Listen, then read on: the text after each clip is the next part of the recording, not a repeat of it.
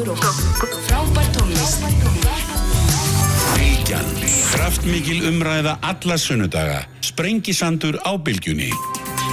Sæli hlustendur, þá haldum við að staði hér sem, sem leið liggur. Uh, Greta Maria Gretastóttir verður hérna hjá mér í lók þáttar ætlum að fjalla þá um nýjan matvælasjóð sem á að íta undir nýsköpun og frumlega hugsun í, í hérna, framleyslu á matvælum eða matvæla tengdum greinum getur við sagt líka uh, fjármagnar ríkinu og hérna spennand að sjá hvaða hugmyndafræði þar er að baki. Nú þeir verða hérna Þorstein Vílundsson og Ragnar Þór Ingólfsson þá ætlum við fjallum lífskjara samningana og þá hvort að fórsendur fyrir samningsbundnum hækkunum sem við brostnar eða ekki brostnar. Þar ganga minn algjörlega í uh, öndverða átt. Hérna aðunreikundur annarsvegar og verkefliðsreyfingin hins vegar.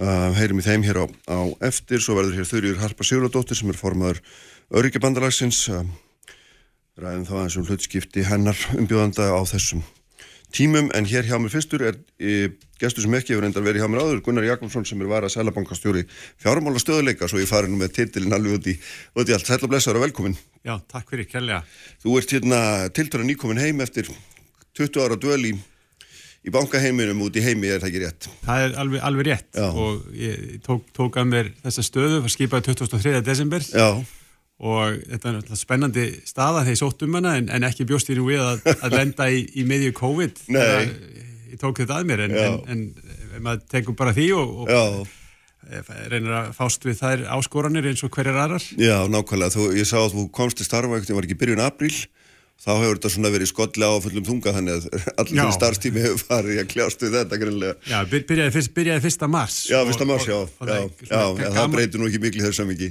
gaman að samt að skoða það í því samhengi út af því að e, ég satt fyrstu nefndafundi fjármálastöðuleika nefndar hérna í byrjun mars og þá ef maður les fundargerðir fjármálastöðuleika nefndar frá þeim tíma og ber saman við það sem við vitum í dag Mhm. hvað við vorum ótrúlega e, vissum ótrúlega lítið Já. um hvað var framundan Já. og það, það er mjög áhugavert svona e, þegar maður setur það í samhengi við það sem við erum að fást við núna í dag Mhm. við kannski höldum við vitum eitthvað í dag sem, er, sem verður allt öðruvísi þegar að liða haustið og veturinn þess vegna er mjög mikilvægt að vera bara vakandi og fylgjast Já. með og tilbúin til þess að bregðast við þegar þarf að bregðast við. Já, en vo- vorum við bara svona og því eins og allir aðri bara svona næv einhvern veginn sáum þetta bara Þetta var náttúrulega nýtt, við Já. höfum aldrei tekist á við faraldur eins og þennan, allavega ekki nútíma þjóðfélag, það verður að fara aftur til en það voru samt 19. fullt af svona aldar. viðvöruna röddum vorum en ekki tilbúin að hlusta nógum á það fannst þér eða eitthvað Það er nú alltaf þannig að, jújú, jú, auðvitað er búið að búa til alls konar álagspróf og velta fyrir sér hvað gæti gerst og ef, ef það yrði Mm. Já. heimsfaraldur, það, Já. menn voru búin að skoða það og en e, þegar þú hefur ekki upplifað eitthvað og þegar þú hefur ekki séð það og fundið á eigin skinni Mm. að þá er oft erfitt að reikna með því að það er raunverulega gerist. Já, að tilbúin Já. þegar að eitthvað slíkt gerist. Að, en, en það sem hjálpar auðvitað samt er að hafa gert þessi álagspróf og hafa Mm. skoðað þetta því að þá eru lík og það sem hjálpar okkur Íslendingum held ég sérstaklega er það að við fórum í gegnum erfiða tíma 2008-2009 og mörg af þeim tækjum og viðbrasáallunum sem voru settar af stað eftir þetta, eh, eftir að þetta skall á voru svona til á hillunni. Það þurfti kannski aðeins að e, snirta þau til og snýða þau að aðstæðum og svo framvegis, en, en hugmyndirnar og, og, og það hjálpaði mjög mikið og, og, og e, þó, þó við höfum kannski ekki búist við nákvæmlega og vorum kannski að vissanátt næýf eins og má lesa út úr þessum já. að, að þá var hægt að fara hratt á stað Já. þegar að e, svona veruleikin skall á Já, nákvæmlega. Og nú erum við komin þetta langt, hérna, það er, það er hálft ár frá fyrsta mars frá því og tóst við og hérna nú gáðu þið út undir þinni, þinni fórustu hérna nýja skýslu í sístu viku og þar kveður nú við annan tón og miklu dekri. Já, það er kannski rétt að taka svona eitt skref tilbaka og, og þegar maður velti fyrir sig fjármálastöðliki, hvað er fjármálastöðliki? Fjármálastöðliki er það að við getum haft e, virt, örugt og stöðugt fjármálakerfi. Og, fjár, og hvað er fjármálakerfi? Fjármálakerfið snýst um það að miðla fjármagni út í atvinnulífið, hjálpa heimilum og, og, fyrirtækjum með greiðslumiðlun, þannig að að kaupa og selja vöru og, og svo framvegis. Og e, það er mjög mikilvægt að það kerfi sé traust og, og þessi skýslu er ætlað að meta það hvað stendur fjármálakerfi. Er ekki, skýslan tekur inn ímislegt og, og bæði frá úr peningamálum og um hagkerfið og, og, og svo framvegis en það er fyrst og fremst fókusin á fjármálakerfið. Já, Og, eh, en auðvitað kemur fram í skýslunni svo dökka mynd sem að eh, hefur kannski eins og segir aðeins eh, dekst eh, frá því sem var í, í mars þegar maður skoða, fer aftur tilbaka í mars þá voru svona bjart sínustu rættir að þetta myndi vera búið kannski svona júli-ágúst um Já, já. ná setni hluta sumars allavega haustinu í bara ferðamennsku og stað aftur og hei- hagkerfið á fullt. Núna erum við í þeirri stöðu að við bara vitum það hreinlega ekki hvenar þetta fer aftur á stað á fullt. Það er miklu meiri óvissa. Ég vil samt nefna að því að þó að mér sé borga fyrir að vera hafa áhyggjur og, og, og, og velta fyrir mig því sem getur farið úrskeiðis. Já, velkomin í hópin. að, þá vil ég aðeins nefna að það er mjög áhugaverð grein í The Economist í síðasta tölublaði hjá þeim þar sem þeir eru búin að vera að skoða sko fjölda smita, fjölda prófana um heimallan, mótefnamælingar eftir löndum og þeir dragu upp mynd sem að þeir eh, haldaði fram að faraldurinn hafi náð hámarki í mæ á þessu ári og við séum í rauninni bara að þrátt fyrir allan fréttaflutningin Já. að það sé að dragast saman. Aha. vonandi hafa það rétt fyrir sér en, en samt það sem situr eftir er mikil óvissa. Aftur að skýslunni skýslan er sýnir það að bankakerfi hérna stendur mjög traust og það er hjálplegt og það er hjálplegt fyrir okkur að hafa bæði vel fjármagnað og uh, það er laust fyrir kerfinu til að steyðja við hagkerfið mm. hlut af því er náttúrulega aðgerið Sælabankans í vor að lækka kröfur um eigið fjö á bankakerfið og að lækka eh, kröfur um bindiskildu innan Sælabankans þannig að það var svona stutt hraustlega við kerfið þannig að það gæti þá staðið af sér eh, þennan storm sem að við erum í núna. Með öðrum orðum að það hérna, hafa bankandi meira löst fyrir til þess að að veita heldur en ef að þeir hefðu þurft að uppfylla þessa bindiskildum gengur út og það er það ekki að setja peninga inn í bankan og, og láta á að býða þar. Já, bankarnir hafi pening til þess, að, til þess að lána. Það er náttúrulega, þarf alltaf tvo til til þess að lána. Það þarf Já, bæði já. þá sem að geta að lána sé- og, og þá sem vilja fá Já, lán. og því það að- er náttúrulega kannski það sem er skóin kreppir að það er ekki mikill landtöku vilji heldur. Nei, það að því að tækifærin eru kannski ekki þar Nei. og eins eins og þetta hefur verið hugsað eh, bæði í aðgerðum stjórnvalda og það sem við hefum verið að skoða er fyrst var þetta að þurfa að fleita hagkerfinu yfir þrjá fjóra mánuði, núna er þetta kannski orðið að menn þurfa að velta fyrir sér hvort það þurfa að fleita hagkerfinu 12, 18 mánuði. Og þá er það náttúrulega gjörbreytt staða varðandi hverjum þú ert að fleita yfir þann tíma. Já. Það var náttúrulega voru fyrirtæki sem voru komin í vandræði í lok síðast árs og eh, svona fara svolítið inn í þennan þetta skjól sem að COVID aðgerðirnar Já, beinast að og, og, og nú er kannski komið að því og bankakerfið er, eru þeir aðeila sem er í bestri stöðu til þess að meta virkilega hvar fyrirtækin standa, hvaða fyrirtæki geta staðið af sér og hvaða fyrirtæki eru nöðsynlega til þess að við komum af krafti út úr þessari kreppu þegar að byrtir til. Því að við, ef maður tegur til þess bara ferðarþjónustur sem dæmi að maður vil náttúrulega hafa ferðarskrifstofur sem geta farið að selja ferðir á fullu ef, að- ef að allar ferðarskrifstofur að því að það er ekkert að gera hjá þeim í dag leggjast af og það er enginn til þess að vera í sölumennskunni þegar að hlutindi byrja aftur.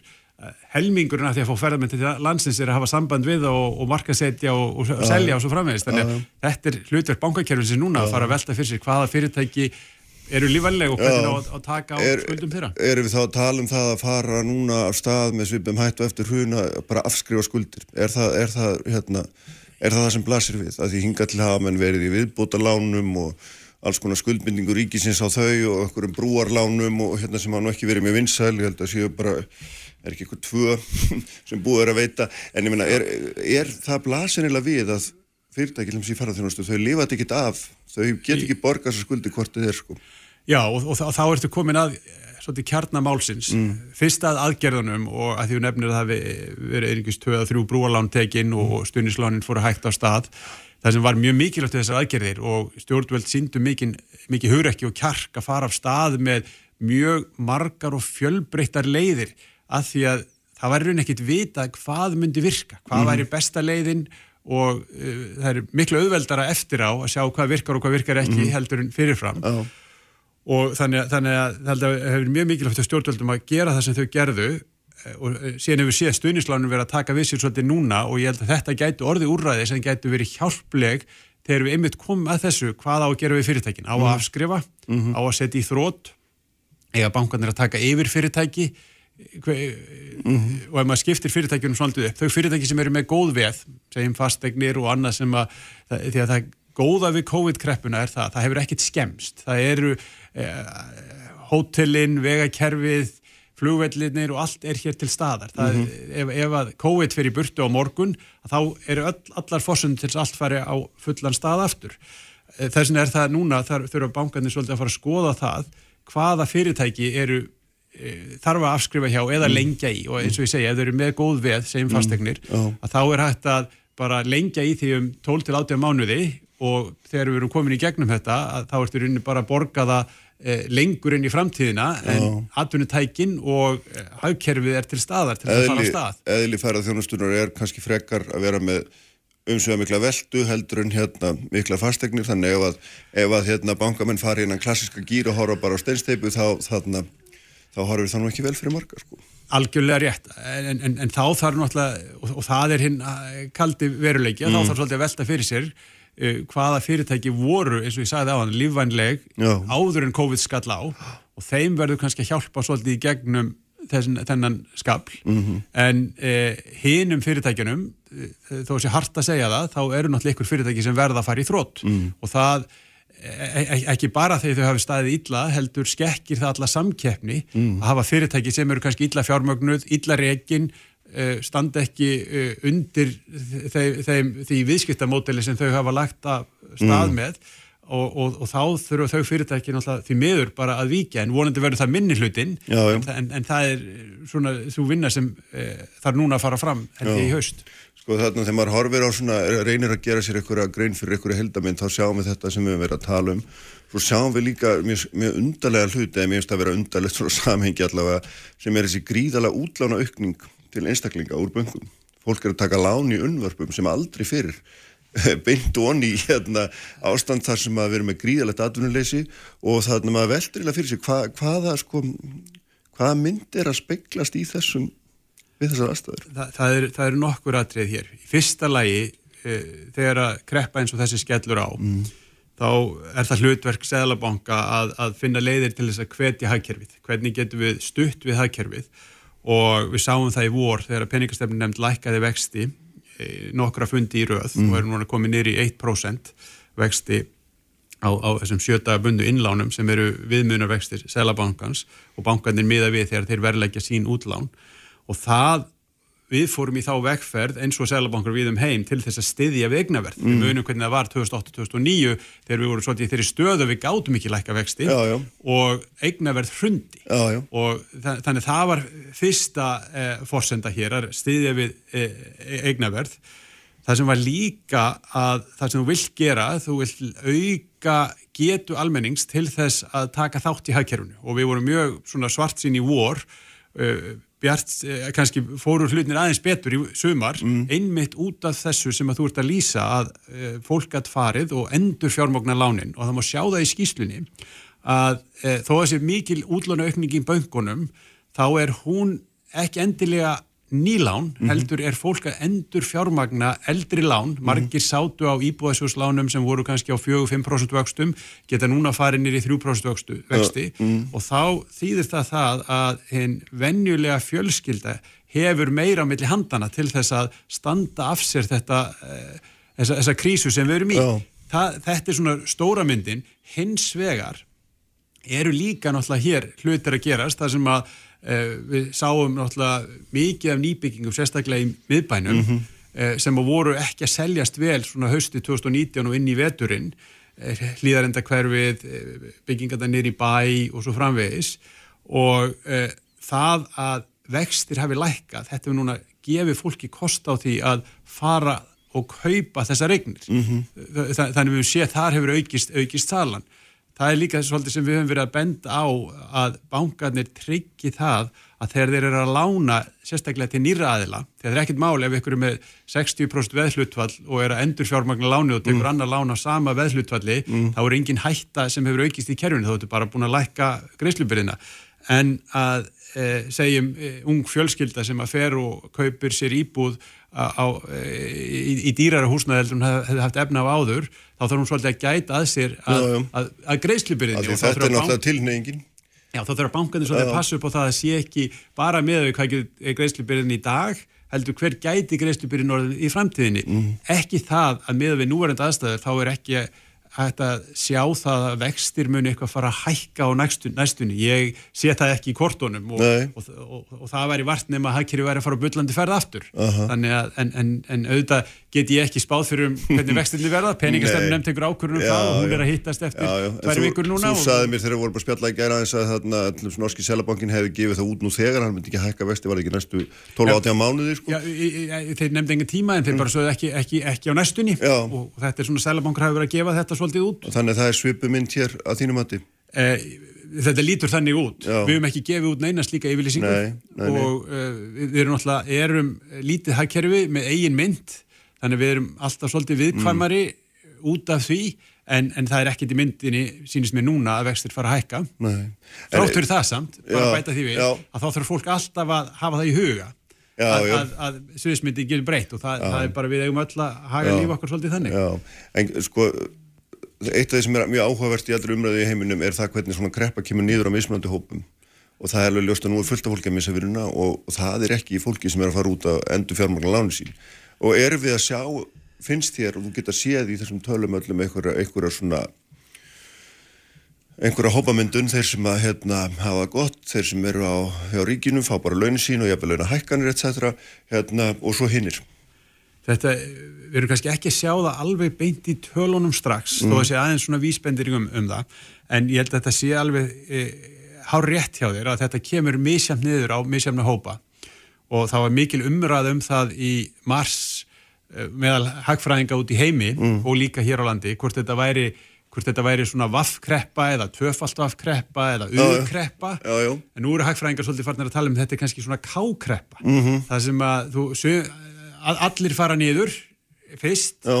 en svo er ákveðin hópur sem bara fer beint upp aftur Mhm. og ég- hefur það jafnvel betur núna á þessum tímum heldur en hafði fyrir COVID, Mhm. en svo er aðri sem halda bara áfram niður og það, það er náttúrulega eins og segir starfsmenn í ferðarþjónustu, það hefur líka verið nefnt að, að þeir sem eru svona í yngri kantinum og eru að byrja eh, á atvinnumarkaði eru kannski viðkvæmari fyrir ef þeir missa vinnuna, þeir eru ekki með sparnað, þeir eru með fyrstu fastegn á kannski greiðslubyrðin herri heldur en þeir og þeir eru búin að rekna með ákveðnum forsendum og nú eru þær forsendur brosnar þannig að ég held að þetta sé svolítið viðfangsefni stjórnmálana sérstaklega að velta fyrir sér hvernig á að það var mikið talað um það í byrjun að, hvernig fletjum við út kurvuna þannig að það er ekki álag á heilbríðskerfið hvernig jöfnum við út byrðunum svolítið af þessu þannig að það sé ekki e, þeir sem að e, njóta bara góðs að þessu að, að, að, að, e, hvernig fáum við þá til þess að taka þátt í því að, e, að, að greiða e, kostnaðin sem að þeir sem verst verða úti lenda í, af því að þetta er náttúrulega ekki e, það er ekki að kenna fólki um að lenda í COVID það, Nei, nei. það, þetta bara gerist og, og þetta er á, má vissan hátt líka þessu við svona náttúrhamfarir Já. og, og við erum, erum fljóð til að hjálpa þegar mm. náttúrhamfarir eiga sér stað En þetta er sem sagt einhver þróun sem að þér finnst verið í uppsiglingu núna, það er þessi klofningur á milli. það, já. er ákveðin hætt á því og ma maður sér þetta meira erlendis en, en, og, eins og í bandaríkjunum og, og, í- og í Breitlandi en, en ég held að þetta sé hætta allstaðar og þetta er eitthvað sem stjórnvöld þurfa að vera vel vakandi fyrir Mm, mm. Og er, er, einhver, er, er einhverjar er einhverjar sviðismyndir sem hérna uh, sína hvernig er þetta bregðast við þessu? Nei, þa ja, þarna komum við náttúrulega inn í og þannig er ég kannski komin aðeins út fyrir mitt verksvið í Selabankanum en, en það geta allir haft skoðanir á því og, og uh, hver- hvernig hlutinir gætu þróast en í byrjun svona kreppu þá byrjar maður með almennar aðgerðir og þá er farið svolítið eh, beitt breyða penslinum til þess að reyna bara að grípa alla og ná öllu til þess að, að því að óvissan er mikil og svo framvegis. Þegar núna kemur inn á veturinn þá þarf kannski að fara að huga meira að einhvers konar sértækum aðgerðum til þess að skoða hvaða hópar eru raunverulega lendi í vandræðum. Já. og, en, en, en það er svolítið verkefni stjórnmálana ég held við ættum að en, en ég held að eh, sé rétt að varast of viðtækar og almennar aðgerðir eftir því sem líður á kreppu eins og þessa þegar að myndin fer að teiknast svolítið upp. Hverjir er að lenda sem vest í skakkaföllunum og, og, og þá hvernig hægt er að e, beita hægkerfunu til þess að svona jafna út áhrifin? Mm Eitt af því sem að sko, hérna, minnst áhugavert líka er að því við vorum að tala um vextina á þann þegar þeir eru búin að vera svona lengi á þann og það var eitt af því sem við rættum í gær líka var auðvitað möguleikin á því að hérna, að hækka á aftur þegar að á þarf að halda og, og það er önnur aðgerð sem að pólitíkin er að taka á sig fyrir það er því náttúrulega alltaf feikila óvinsælt. Já, nú erum við í Sælabankanum sjálfstæð og við tökum eh, peningastefn nefndir sjálfstæð nefnd sem Já. tekur ákvarðanir Já.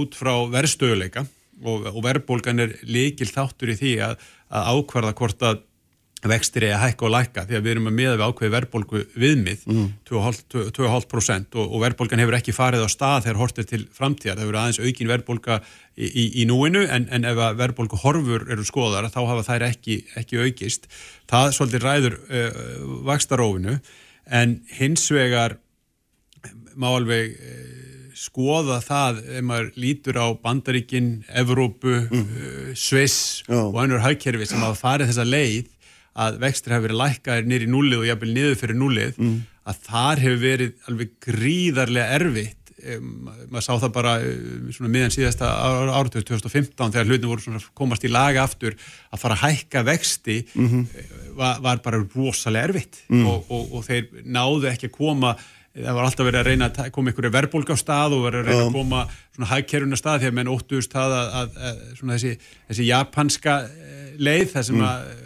hlutir bara hlaðast upp skuldir og, og, og eh, er er ekki mikill vöxtur í hagkerfinu myndi raungerast við annar staðar en, en þráttur all, allar þær áhyggjur og, og, og, og svo framvegis að, að þá hefur ekki tekist að koma vöxtum aftur á stað Nei. Nú er ég ekki að segja að það muni eiga við á Íslandi Það- Nei, nei, Íslandi er aðeins öðruvísi hagkerfi og, og með sína eigin mynd og, og svo Já, framvegis en, já, en já. þetta er mjög áhugavert að, að, að skoða þetta því að, því að nákvæmlega það sem þú nefnir að, að það verður þá miklu meiri pólitískur uh, þessi pólitíkin þarf að fást við það því að Já. þetta mun þá hæja á hagkerfinu, þetta mun hæja á og auka greiðslubyrði alls Já, vextir já. fara aftur á stað Já, já. Þetta er svona einhver þverstað sem myndast það því að til þess að hagkerfi rúli þá þurfum við, þá megum við ekki halda okkur alveg í platneskjunni, þá er það eins og Japanin voru náttúrulega svo lengi í að þá Já. gerist ekki neitt og leið og fara að hækka vexti þá náttúrulega fara allir emt og skræmt á móti þannig að það er hérna, það þarf bæði að sleppa að halda í Þetta er mikil jafnvægislist sem að bæði stjórnvöld, selabankar og e, þriðji armurinn í hagkerfinu sem eru aðilega vinnumarkaðarins þurfa stöðugt að vera að e, leika. Já, en það, það, þannig að þetta er akkurat gott orð því ég ætlaði einmitt að koma faraðhanga með þér vegna þess að nú stöndum við þetta frammi fyrir því sem allir sjá að hérna vinnumarkaðurinn er eins og hann er og hérna allar svona efnaðslega fórstni sem voru fyrir átján mánuðum eða ég tala nú ekki menn lengi aftur tíman eru brostnar, hérna hagustur hefur staðin fyrir að vera 10% yfir þryggjára tímanbíl, það var svona 0,8 og svo framvegis, ég meina, það er allt bara komið á hlýð, getur við sagt. Og þarna, það það er samt samningar í gildi og hva, hvernig er ykkar mat á því ef að, ef að hérna, menn fara í það að, halda, að hækka laun á, á tímum eins og þessum því að SA hefur bara lagt til að þau verið frist verkefnisengin segir náttúrulega þvert nei við því. Já, þetta, er sprengjus að þessi alltaf með því ná þetta, þetta er náttúrulega eitthvað sem að e, allir geta haft skoðun á. Já, Þetta er náttúrulega ekki á okkar verksviði bein nei, nei. en hins vegar hins vegar hefur þetta áhrif. Það, allar aðgerðir, hvort sem heldur það eru stjórnvalda, seðalabanka eða aðalega vinnumarkarinn sem á líta sem þrjár stóðir hagkerfisins hafa áhrif. Mm. og e, þegar kreppu, við erum í kreppu ástandi að þá er mikilvægt að reyna að halda eins miklum stöðuleik og hægt er. -hmm. Og e, maður getur alveg sett það fyrir sér ef að þetta fer e, e, e, einhvern veginn á, á hliðina það er að segja að það verði einhverjar deilur eða verður einhver, e, e, einhver svona ósætti á vinnumarkaði að þá muni það hafa áhrif á hversu fljótt við komumst út út úr þessu. Hvort að, hvort að það þýðir það að það er að frista laun eða ekki. Það má náttúrulega lesa það út úr því sem ég sagði á hann að, að við hefum náttúrulega leita leða til þess að jafna byrðarnar í, í, í þessu að því að, að því að ég held að það hjálpi hagkerfunu til lengri tíma litið og, og, og aðgeri stjórnvalda hafa miðað að því.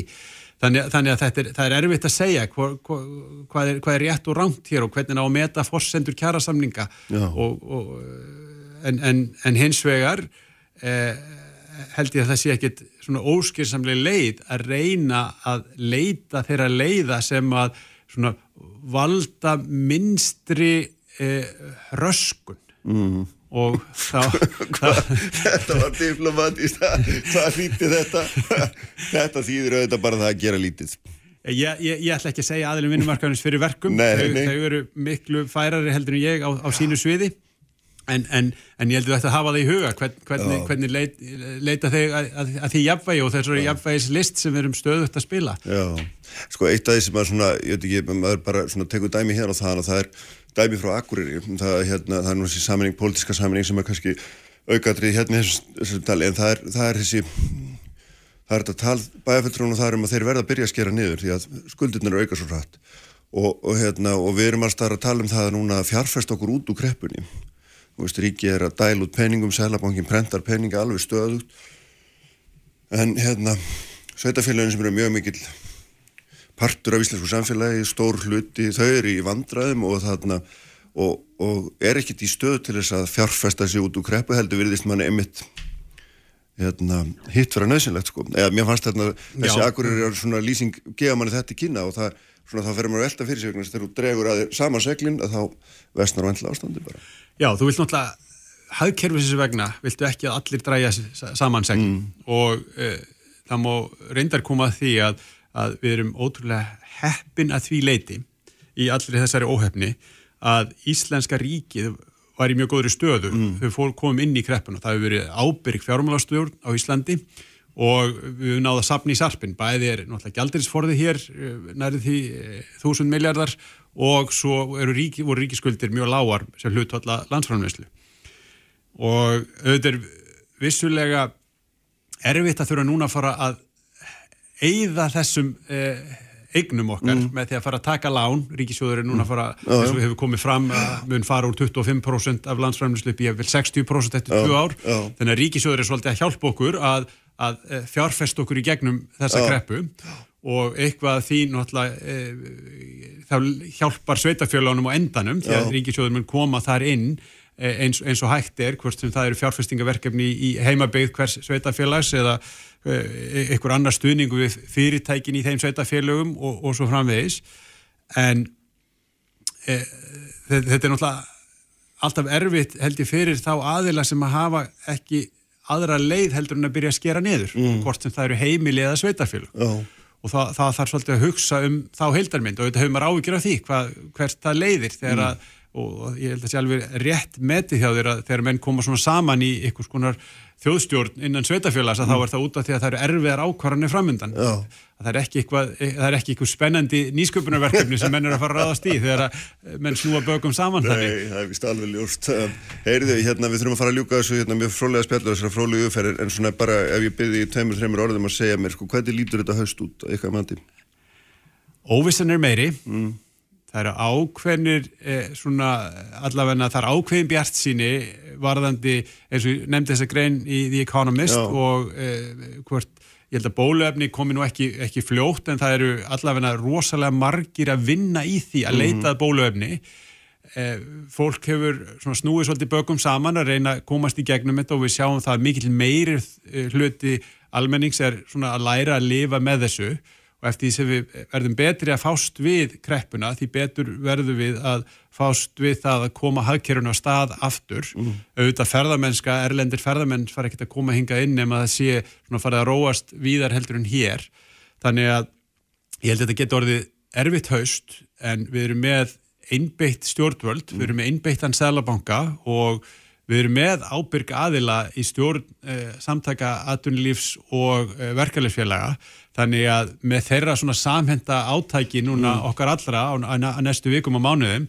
þá ættu við að komast í gegnum þetta. Þannig að maður verður alltaf að vera bjart sít þó, þó eins og ég sagði á hann mér er borgað fyrir að vera svart sít þannig að ég held að þetta, þetta gæti orðið erfitt en, en, en ég, við komumst í gegnum þetta. Mm -hmm. Ljámundi gott Gunnar, frábært að fá þig. Takk einnilega fyrir þetta. Takk fyrir. Og ég ætla að halda áfram hérna eftir augnablík þá verður hún hjá mér og þurjur Harpa Sigurðardóttir sem formaður örkjabandalarsins Sprengisandur á bylgjunni Uppspretta frétta á Sprengisandi. Á bylgjunni. Sæli hlustendur, þá höldum við að staða hér aftur. Uh, Gunnar Jakobsson Sælabankastjóri, svarinn frá mér. Uh, og uh, þau verða afsakið, afsakið, afsakið. Nú er rugglaðist ég alveg Greta, Marja Gretastóttir verður hérna í lók þáttar, þá ætlum við fjallum nýjan matalasjóð þau verða hérna líka Þorstein Víglundsson og Ragnar Þór Ingólfsson, en sestir hjá mér þurjur Harpa Sigurðardóttir sem er formaður örkjabandararsins, sæla blessu og velkomin Já, sælvertu, takk fyrir. Sko, hérna, mér langaði að fá því vegna þess að, að mér langaði þess að forvittnast um hérna, stöðuna því, ykkar, þínum umbjóðandum, getur við sagt mm. uh, og hérna, ég var nú að að tala, var að tala hérna við Varasælabankastjóran, ég myndum það hvernig þessi kreppa kemur niður á, misjamt niður á fólki og það er ekki bara að byrja þar, af því að það var til dæmis í gæri fréttir um, hérna, uh, um aukna fádækt. Hvernig, hvernig, svona, hvernig er staðan ef að þú lítur á þá frá þínum bæjartýrum? Staðan bara fyrir eh, minn hóp er bara mjög slæm og hún hefur farið vestnandi núna ár frá ári í síðastlegin áratug. Og eh, að því við kannski gripum boltan aðeins sem að hann kláði að, að hérna, stjórnveld meiga bara alls ekki gleyma því að þau hafa skildu samkvæmst stjórnarskrá við, til þess að fólk lifi hér af þessa greppu Já Og það gildur auðvitað líka um, um falla og langt fólk að, að það verður að, að sjá til þess að það mm -hmm. hafi einhver tæki verið til þess að lifa að þessa greppu. Já. Og við sjáum auðvitað að okkar hópur, öðrurger falla fólk hefur verið stærst hópurinn sem hefur sótt inn í hjálparsamtökinu og það er bara, það ofnbyrðast okkur mjög skýrt í vor mm. í þegar COVID herjaði hérna á fyrst að þá fengum við það bara mjög kallt í andlita að stærstur hópur þeirra sem að leita til hjálp, hjálparsamtaka það eru örgjart í mm. miður mm -hmm. við erum bara í þeirri stöðu að, að framfæslan dugar engan vegin mm -hmm. og við sjáum það auðvitað núna er eins og við fréttunum í gerðsum vísar í þar sem að, að það eru atvinnulegst fólk sem er að sækja í sko miklu mæli inn, inn í hérna, að sækja sem mat og nöðsjónum til hjálparsamtaka að þá voru hægt að ná því og eins og allir vita að, að einmitt þessi hópur sem að ef hann lendir í, í langvarandi hérna atvinnuleysi og er svona kreftur mm -hmm. að, að hann lendi, hann missi heilsuna í kjölfarið Já. og þá er það hópurinn sem er að bætast inn á, inn á örorkulífirir mm -hmm. og örorkulífir er, er í dag 30.000 krónum lægri heldur en atvinnuleysis bætur og 83.000 eh, krónum legur heldur en lámaslaun og þar hefur dreigið í milli mm -hmm. síðastleginn 10 ár eða frá 2007 uh -huh, mm -hmm. og það hefur gert á vakt, vakt, á vakt e, stjórnvalda -huh. Ég veit að þið eru náttúrulega fylgjast með þessi frá eiti dags og, og hérna, eftir þessi svona kreppa skallifur, er, er hérna þau viðbröð sem að, mötum að heilt mjög mikið viðbröð stjórnvaldan, hafa þau einhvern meginn sko hvað ykkur varðar verið lítil eða hvernig, hvernig er það? Já, við höfum ekki orðið verfið neinn raunveruleg úrræði e, í, í þá átt að bæta haga á kjör örskja og ég verði aðeins að bæta við bara mm. að það er alveg sko skelvilegt fyrir mig að, og, og okkur öll að horfa upp á það að byðra þeir eftir e, nöysunum á mat síðan lengist á Íslandi. Mm -hmm. Það er bara alveg óbúslega alveglega staða. Mm. En já, nei, það, við höfum ekki séð það að það hafi e, verið raunverulega verið að bæta kjör örskja eða, eða fallasfólks til miður og eins og ég sagði að það er dreigið sundur -hmm. Bara mjög alvarlega mm. og uh, það gerist vegna þess að uh, svo kallar 60 og svo kallar 69. græn almantrygginga hún er ekki að halda mm. eð, eða hvað ég segja þessi tvöfaldi lásum að tryggja það að öryrkjar uh, að laun okkar dragist ekki aftur úr já, öðrum, öðrum launahóp Já, og það er sem sagt heldur ekki Nei, er, það heldur ekki því miður og við fengum nú hérna hagfræðistofnun uh, til að reikna út uh, 69. grænna hvernig hún hefði átt að vera í dag eða hvernig hún hefði átt að virka fyrir örgulífurstega mm. og uh, við sjáum það að það er bara og hún hefði þá átt líka að virka jæmt eða fyrir uh, þingmenn mm -hmm. því það er bara mjög svipaðar útreikningar sem að þar er þetta grundvallar. Já, þannig að það er bara verið að bera saman hvernig hún, þessi grein virkaði fyrir örkja og tíur og tímanbíl exakt, versus það ef, að, ef að þetta hefði verið reikna með að við þingfarakaup eftir því sem ég skildist. Já, nákvæmlega. Og niðurstaðan er, hérna, maður getur íla satt sér að sjálfur en hver er hún í raun og veru? Já, hún er, er, er þannig að uh, þingfarakaup það náttúrulega tekur breytingum í, í fyrsta júli hvert ár og þá með að breytingan við það, það að hérna þeir eru leiðrættir afturvirt mm. ef við getum sagt sem svo það er bara greinilegt að þingmenn treystu ekki 69. grein almannatrygginga til að tryggja laun sín mm -hmm. þeir vita það og þau vita það manna best að, að hún hefur ekki haldið og þau fóru, þá leið að tryggja sér betur og fundu betri leið til að, að, að tryggja sín laun mm -hmm. eða -hmm. og það var mjög réttlátt að þau sama gildi varandi örkulífur segja þar sem að okkar eh, framfærsla laun frá tryggingastofnun, Já.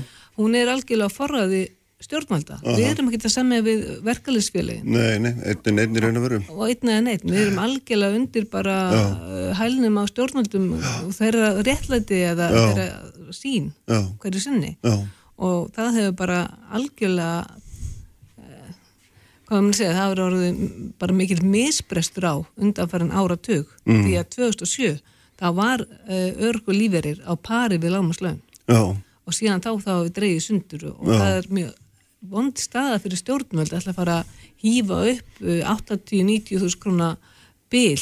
Já, einmitt. Þegar það er orðið svona mikið þá er það erfitt, þegar leftið svo drabbast svona niður. Já, og, og síðan alltaf bætist við að það er enn, ef, ef ég skildar rétt ósamið um hérna, þetta mikla deilumálum um tekju skerðingarnir ef að þið hérna, farið út að vinna og þó ekki nema í litlum mæli sé hversu hérna, hratt byrjar að, að, að tínast af bótarum á móti. Já, við búum við miklar skerðingar á til dæla lágar upphæðir Mhm.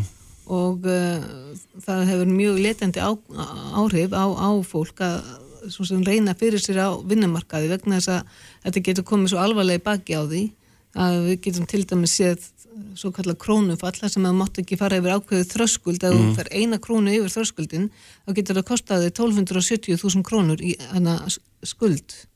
Ein króna getur valdið því að þú skuldar nú, nú, nú er ég alveg ofandóttin, hvernig, hvernig getur það gerst? Já, þetta er svo kallar um, krónufall sem að við höfum kallað svo og það kemur til eiginlega að það hækkar það það er öll viðmið og það er á meðal þetta þessi ströskuldur það er þess að þegar þú ert að fara inn á vinnumarka að þá máttu til dæmis eh, hafa um, uppað ákveðin uppað sem er rétt rúmar 400.000 krónur í dag. Mm Og ef þú ferð, ef þú farið launahækkun, sérst, þú ert að hluta til að því að það er nú þannig að öryrkjar og falla fólk eru nú flest á, á hérna, í hlutastörum þeir sem, Já, að, já, þeir sem að eh, hafa störf á annar borð já.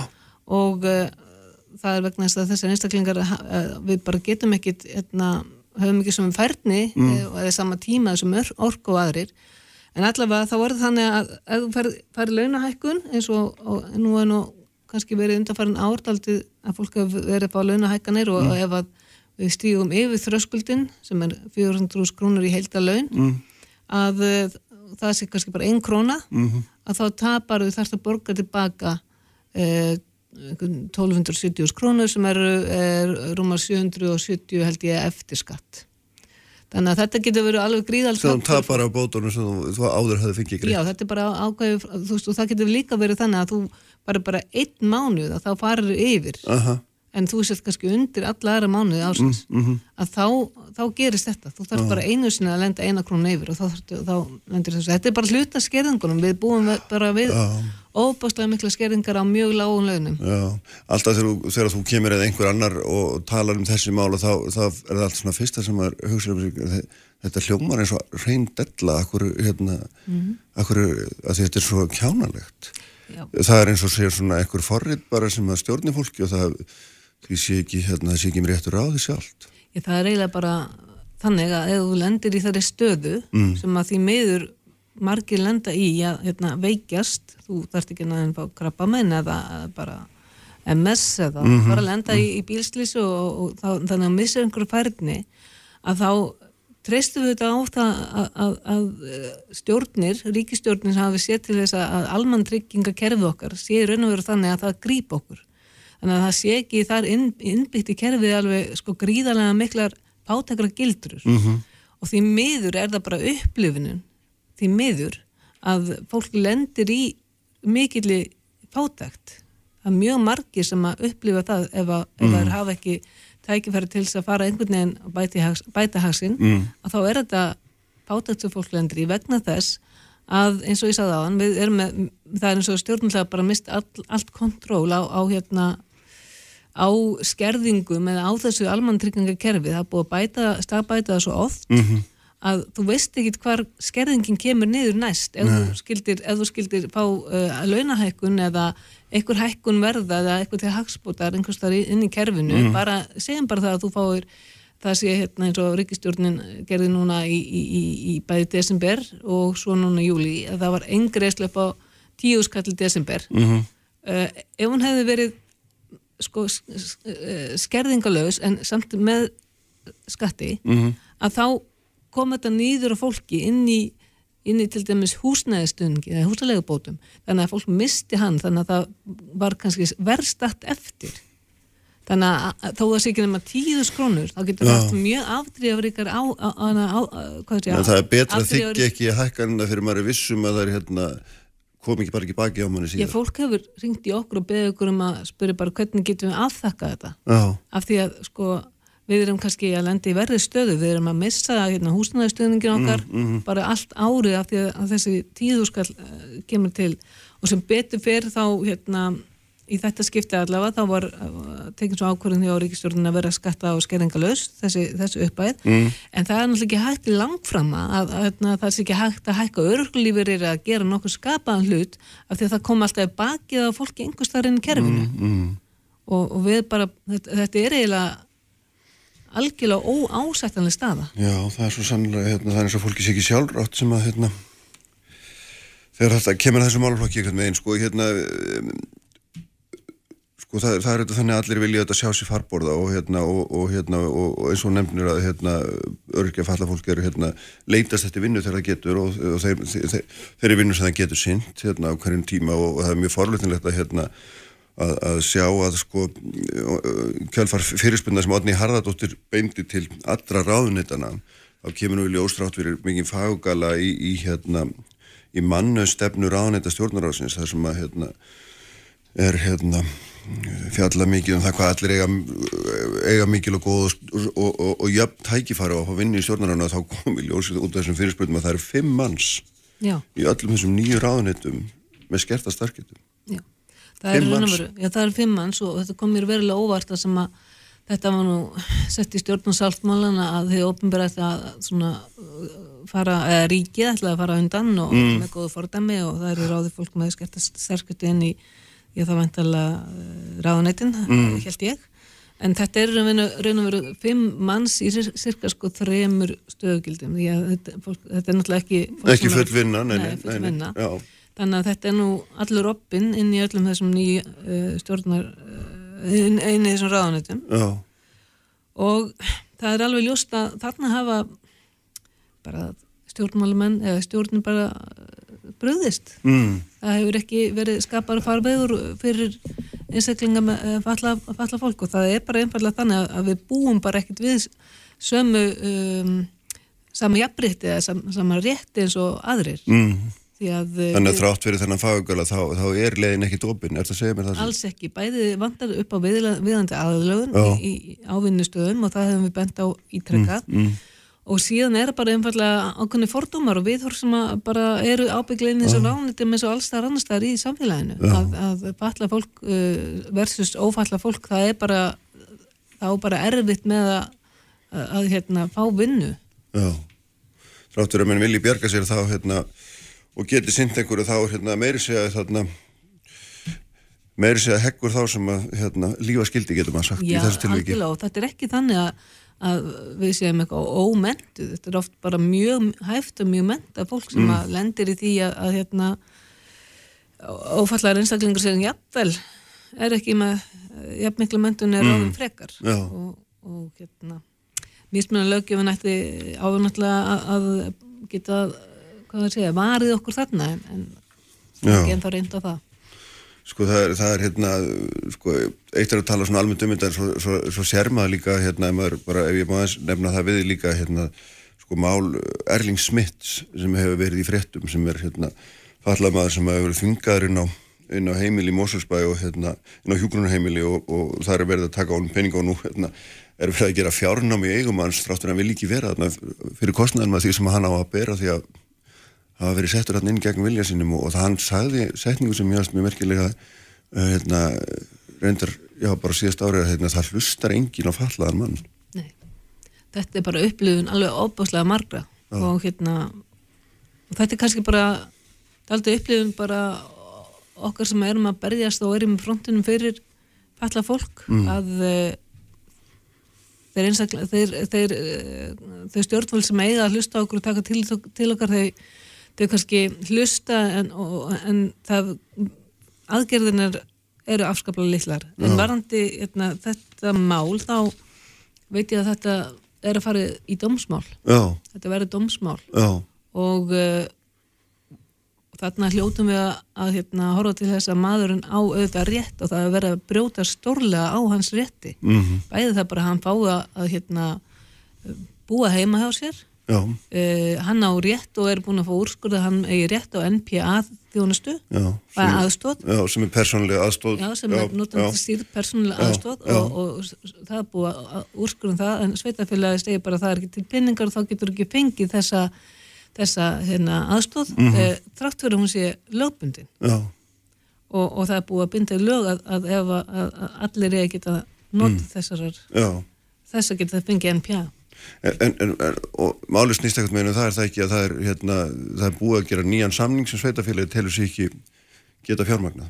það er auknin þannig. Já, og þá stendur þarna eftir einstaklingur sem er þvingaður til að vera inn á hjúgrunaheimili sem er eh, eftir því sem ég best veit miklu dýrara úrraði fyrir sveitarfélagi aha, ef að við erum að horfa á það að það getur kostað jafnvel hvað er 140-50 krónir á sólarhingurinn ja, fyrir eina, eina hjúgrunheimilum að þá er nú, það er nú ekki mikla reikninsögsu til að sjá það að það hlýtur að vera mun nú þekki ég ekki þessa tölur, þessi tala sem nefnir nú ansi há. Já, þetta hefur verið talað um sko, það er misjandi eftir hvað fólk þarf mikla umönnin Já, og uh, einstaklingur eins og Erling, hann talsverða já, umræðu- það var náttúrulega bara umönnið til allra hlutu, er ekki? já, já, og ég myndi þá rekna með að það verður svona frekari þingri kantunum inn á, inn á hjúgrunheimili Mm. en allavega hef ég hirt töluna frá 40 eða tæpum 50 þú skallu upp, upp í uh, um 150 skonur á sólan Já, já, Þannig að ég held að, og við höfum svo sem aðeins skoða þetta og ég held að það sé engum blöðum um það að fletta. Að það var miklu hagstæðara fyrir alla og, og bara, eh, sko ef við tölum þetta út frá bara eh, peningalegum gildum að það var betra að maður fengið auðvitað sína þjónustu heim mm. og fyrir hann auðvitað að njóta mannréttinda bara til jafns við aðra. já. Hérna er bara einfallega mannréttindi brotinu á þessum einstaklingi. Þannig að þessi setningans, hérna, það hlustar enginn að fallaða mann, hún bara, hérna, stendur bara hárétt eða hvað þínum að því. Já, ég bara, samkvæmt þessu, já, hún gerir það. Heyrðu, hérna, þetta hefur verið hérna því frólægasta spjall og við sem sagt komumst að því hér að að ef að, ef að hérna ef að uh, almantryggingar hefðu verið látna að fylgja hérna þingfarakaupinu þá væri stað eitthvað miklu betri heldur en það munnaði þarna einhverjum Já, þá varum við allavega ennþá í þeirra stöðu að örgulífur væri að pari við lámarslögum og það er náttúrulega afskaplega einkennilega stað ef að, að falla fólk eða fólk sem veikist eða slasast á lífsleginni eða veist fallað að það eigi að búa við aðstæður sem eru sko að lifa af 200.000 krónum eða 220.000 krónum á mánuði útborgaðum. Þegar við sjáum að atvinnlist fólk hefur sko til þessu enga meginn geta að lifa af, þessum 250 krónum sem að það er að fótborga. Þannig að þetta er bara, það er eitthvað mjög brogað í okkar samfélagi Já. þegar við sitjum upp með svona tölur. það er vist alveg klárt Enda, enda sjáum við það að byrjum hjá, hjá uh, hjálpa samtökum. nákvæmlega. Eru takk fyrir þetta þurriður, þetta var hérna fróðlegu umferð og þarna sittu fast í. Uh, þeir verða hérna hjá mér áfram, áfram Þorstein Vílundsson og Ragnar Þóri Ingólfsson haldum þá áfram að tala um kjör fólksins í landinum, ætlum að tala um lífskjöra samningin og forsendur fyrir hækkunum hans.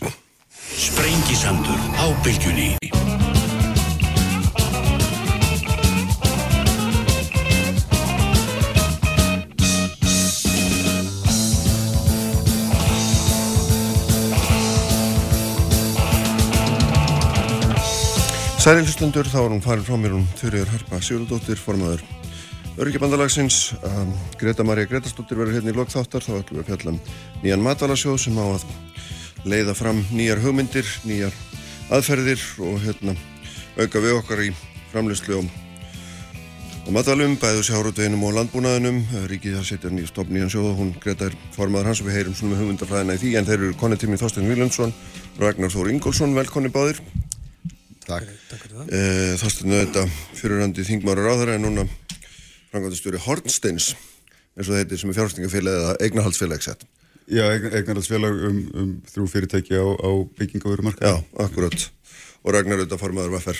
Svo öllu sé nú rétt til haga haldið. Mér langaði til þess að fá ykkur hérna til þess að fjalla eins um stöðuna á vinnumarkanu vegna þess að nú er, er það hérna þannig að að eh, samtök atvinnulífsins hafi einfallega sagt að fórsendu fyrir lífskjara samningnum sem að áttu að færa okkur bæði hagsæld og, og friðamarkaði séu brostnar og hérna, það sé ekki annað að gera en að, að hérna, segja hann upp frá með 1. oktober.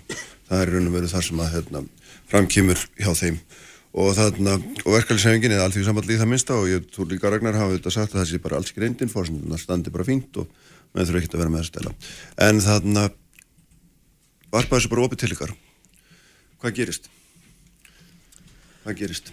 Já, það er góð spurning. Eh, það er ágrunningur um uh, hérna, hjá fórsöndunendinni um hvort að fórsöndur hefur staðist eða ekki og, og, og sjálfur sér hægt að færa rauk fyrir uh, báð, báðum sjónamöðum og, og hérna en það sem eftir stendur er hvað skal gera og uh, ég held að, að við þurfum að finna leiðir til þess að forða okkur frá því að hér skapist enn meiri óvisa mm. ofan í það óvisu sem fyrir er að hér fær alltaf hliðina á vinnumarkaði. Uh, ég held að við gerum okkur öll grein fyrir því uh, í hvað stefnir ef að það gerist. Hér verður þá ekki bara frost, það má kalla það alkull mm. á markaði ef, að, ef við missum þessa samning út úr höndunum. Uh, og það er alveg ljóst að, að verkefælisreifingi mun ekki gefa eftir þessar uh, launahækkanir. En, uh, en við þurfum að finna þá einhverja lausnir fyrir þau, það er atvinnugreinar sem standa mjög illa. Það eru nú atvinnugreinar sem standa vel, -hmm. mjög vel marga hverjar. Mm -hmm. og dæmið það að, að fyrirtæki hafa verið að skila með afkomu uh, á þessum tímum. En þetta er uh, snúi staða, vonandi verður þetta tímabundið og uh, vonandi kemur mótefni við þessari veiru fljótt og vel mm -hmm. en, en dagskipun í dag er fyrst og fremst svo að uh, setjast niður með stjórnvöldum og, og samtökum aðunlífsins og koma með helstaði lusnir uh, mm. til framtíðar. Þá einan þess ramma eins og þú segir að kvika kærgi frá þeim hérna í. Við, við, höfum, við höfum komið með aðra leiðir til þess mm. að koma til móts við aðtunlífið eh, tillögur sem að reyndar hafa ekki fallið í kramið hjá okkur eh, eigin félögum og sömulegis eh, verið umdeldir í, í samfélaginu en, en, en það sem maður þarf fyrst og fremst að gera núna er, er að læra af þeim mistökum sem voru gerðir til dæmis eftir síðastarhrun fara í það að tryggja það til dæmis að fólk njóti greiðslu skjóla frá fjármálastofnunum fari aðgerið fyrir fólk á leikumarkaði sem að lendir á strípuðum bótum uh, þannig að fólk þurfu ekki að taka erfiðar ákvörðunum um það hvort það ætla að kaupa í matin eða borga mm. reikninga og þetta eru í sjálf og sér allt uh, aðgerið sem að, sem að uh, þarf bara að fara í við læriðum á, á hruninu síðast að þegar að fjármálastofnarnir fóru mjög sársökafullar einhemta aðgerið gagvart fólki uh, hérna aðvaranir og, og, og fjárnám sem að fari var í þetta var grila íþingjandi og, og við erum að læra runni af mm. mjög betri reynslu af, af, af, af uh, þeim mistöku sem voru gerð þess vegna mm. þurfum við, það, við þurfum allstar að finna þennan sveigjarleika og það verður ekki gert nema að, að fólk fara að setjast niður og tala saman mm -hmm. Þú veist, þú hérna komst frá Víguöllin aftur getur við sagt þetta er hérna, stöðli og hérna rindaði grein þar sem þú nefndir að hérna launahækkanir fælu í sér ekkert annað núna heldur en bara ávísun að vera búin og ekki atvinnuleysi. Og þetta er nú reyndar megin kjarnin í, í meistarriðgerðinni sem varst svo hérna vingjallegur að senda mér. Og ég hljópi gegnum. Og þarna en það er auðvitað bara megin niðurstað hennar af þinnum rannsóknum að hérna að þegar atvinnulíða á ekki fyrir launahækkanum þá er það bara ávísun á verðbólku og og atvinnuleysi auki og það er staðan sem þú ert að lýsa að sé að koma upp núna. Já og sko ég verð bara að segja eins og verið, ég hef mjög þungar áhugjur af ákvaða vegferðið erum í samskiptum aðeinslofinnumarkaði mm. og bara til þess að, að segja hreint út sérilagi sagt, eftir að ný fórust að kemur til valda innan verkefælishefingarinnar sem að í raun og voru er að, að, að því að Ragnar Þór talaði hér um að læra af mistökum uh, fortíðar og það er alveg rétt hjá það margt sem við getum lært til dæmis hvernig uh, stuðningur við fólk á svona tímum frá velferðarkerfun okkar þarf að vera mm. þegar við erum að fara í gegnum kreppu en við höfum lært mjög margt af því hvernig við höfum ekki að vinna á vinnumarkaði og bara ef við horfum á óðaverbúk og tímabill þá tíunda áratugarins sem er eh, nýjunda áratugarins verið ekki við og síðustu öll sem er þá aðdragandi þjóðarsáttarinn sem við vísum svo oft til að á endanum snerist þjóðasáttin ekki um neitt annað heldur en að það var náðist samkomulag milli aðalavinumarkaðarins um það að verkefnið væri kaupmáttur en ekki nafnhækkan í launa og að, að kaupmáttur aukningu væri takmörg sett eins og viðkendir á öllum hinnum Norðurlandunum uh, það væri mörg fyrir því hvað við getum hækkað kaupmátt á hvernig tíma. Og það byggðist að stærstum hlut- hluta á efnaðarslegum forsendum kærasamninga hverju sinni. Þegar við horfum á stöðunni svo hún er í dag, þá eh, sjáum við ferðarþjónustarinn sem dró vagnin fyrir okkur upp úr hruninu. Og ég held að ég bara ætti að segja það með einföldum hætti þannig. Ferðarþjónustan nánast einsýnsliðs og þetta hérna, gerðist margt annað í kjölfærið en umfanganar var svo mikið, gældur í sköpunum af henni var svo mikil, atvinnusköpunin var svo mikil að hún dró okkur fyrst og fremst upp úr hruninu og skapaði þennan þetta efnaðislega þessi efnaðislega góðsinn tíð sem við höfum upplifað núna undan færin ár núna er efna, uh, þessi sama atvinnugrein algjörlega á njánum mm. og ég held að þessi fyrsta lagi uh, stórlega varasamt að tala um kreppuna sem afmarkaða við ferðarþjónustu svona stór atvinnugrein verður ekki fyrir svona þungumskelli á þess að áhrifa gæti allstaðar og við sjáum það bara nú þegar. En síðan er það ekkert einu sinni svo að það sé aðeins ferðarþjónustan sem er að verða fyrir þessum upprunulega skelli. Orkugerin okkar hefur orðið fyrir verulegum skelli og er að selja umtalsveit minna að ráorku á þessu ári heldur en á því síðasta Mm. sem er ekki bara beint til koronaviru faraldusins og lækandi ráuruverðs á, á hinsmörkuðum sjávarúturinn er að upplega nákvæmlega það sama. Það er byrðasöfnin í sjávarútu, það er lækandi afurðaverð þannig að við getum sagt í raun og veru að nær allar útflutningsatunugarinnar okkar er að verða fyrir verulegu höggi. Og að viðurkenna ekki í raun og veru að við slíkar aðstæður þurfi að setjast yfir eiginlegu efnaðarslegu forsendu kærasamninga og getu hagkerfisins eh, til þess að standa undir því það er eitthvað sem ég hef verulega ráðgjör af það því við vitum alveg og uh, ég hef sagt það er eins og að rífast um þingdarlögmálið og alltaf rífast um efnaðarslegar afleðingar það eru vel skjálfestar, margar ansakaðar launahækkanir sem ekki er innistæða fyrir í hagkerfinu skila ekki kaupmætti. Það hafa aldrei gert það. Við 20 földuðum laun á óðaverðbóku tímabilinu það var engin kaupmáttur út úr í það, það er einfallega veruleiki sem við höfum lært sem nágranna þjóður okkar hafa lært og Norðurlöndin fóru öll til dæmis í kjölfar óðaverðbóku tíma þá 8. og 9. áratugar síðustu aldar í algjöra uppstökkun á, á sínu vinnumarkaslíkani svo vinna var aldrei kláruð hér og raun og voru saleg samkúmulegi sem að fari var út í hérna 2013 sem einn af lærdómanum af fruninu að á endanum mætti rekja þennan óstöðuleika í gengi og verðlega að stórum hluta til vinnumarkaðar að svo vinna því miður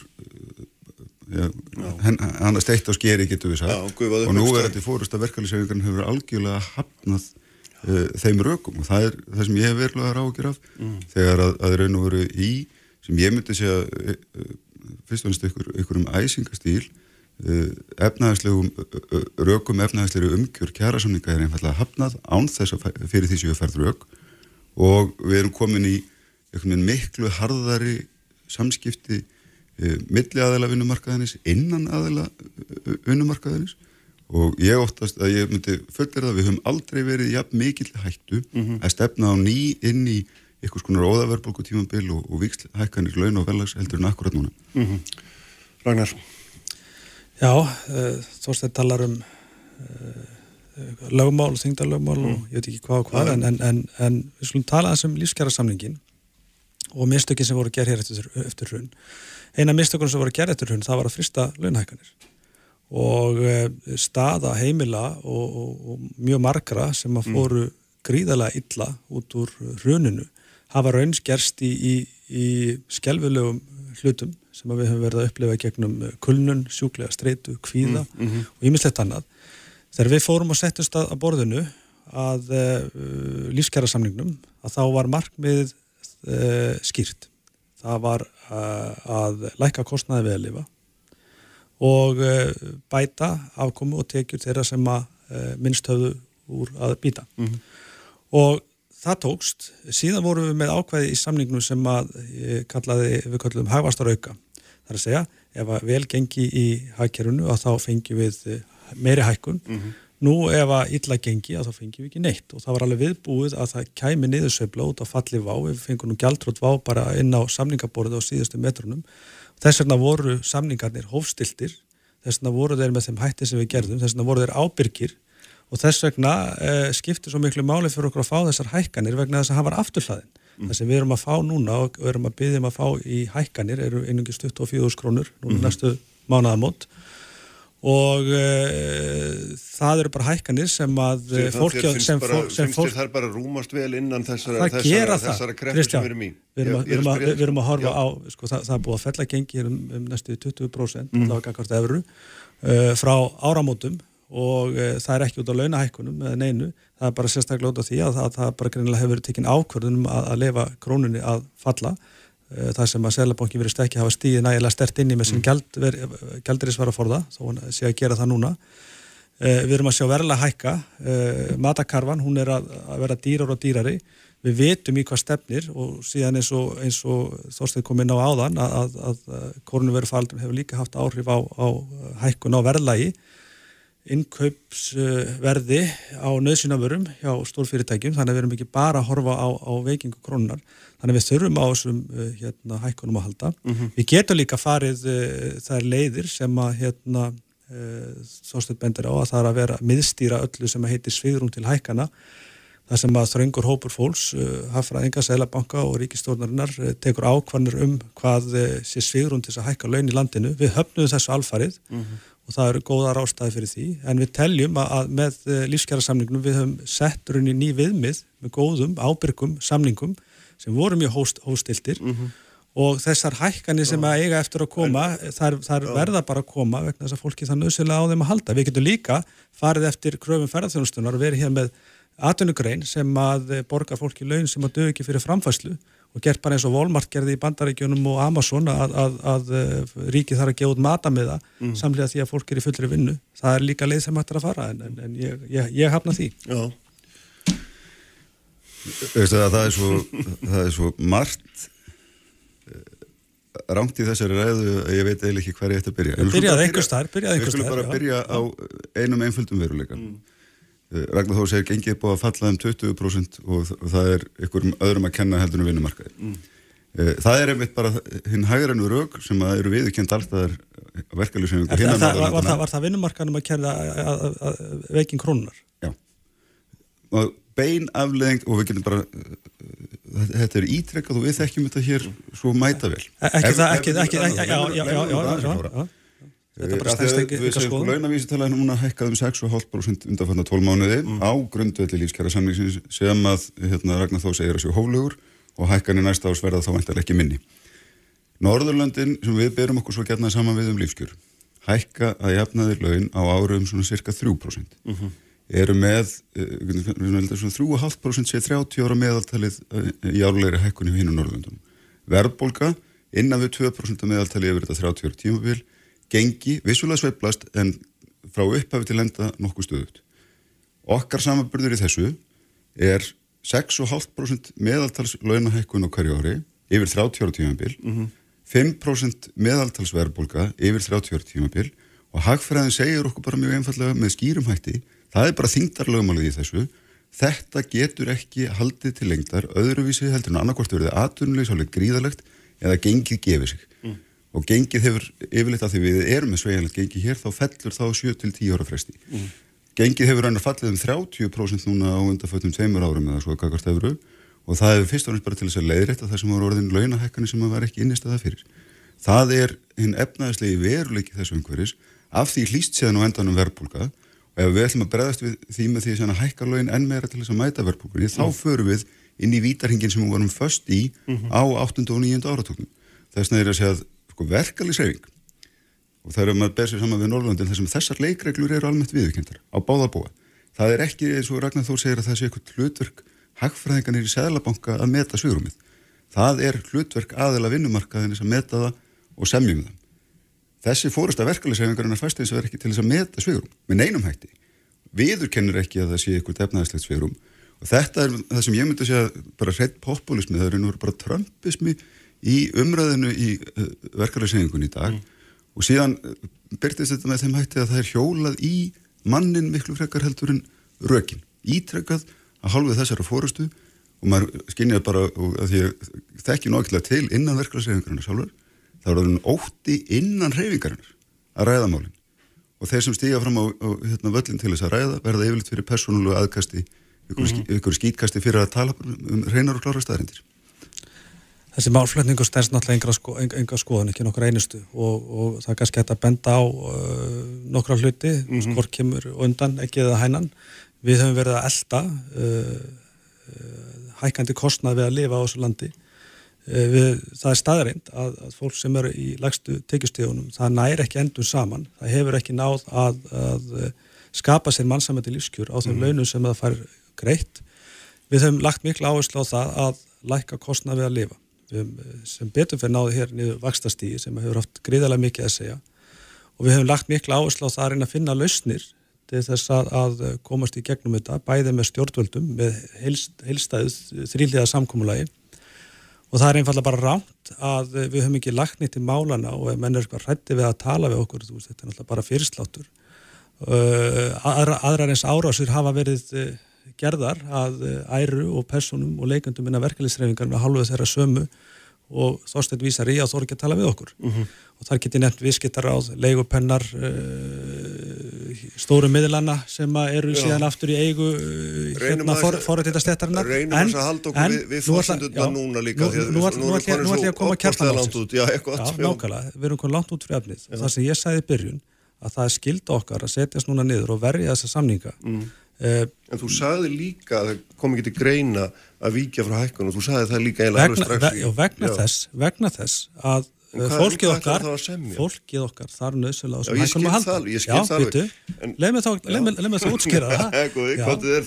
það. Það sem ég er að segja að það er til fleiri leiðir og við höfum bent á fleiri leiðir. Við höfum bent á, á, á til dæmis leiðir sem snúa því að um, læka mótframlag tímabundið inn í mm. lífriðsjóðakerfið Við hefum bent á leiðir sem að snúa þá frekar að, að, að breyting og tryggingagjaldi tímabundið til þess að verja uh, spæði samningin, mm -hmm. verja stöðuleika og, og eiga þá möguleika að komast fyrr og betur mm -hmm. út úr þessari kreppu sem að er að ríða yfir.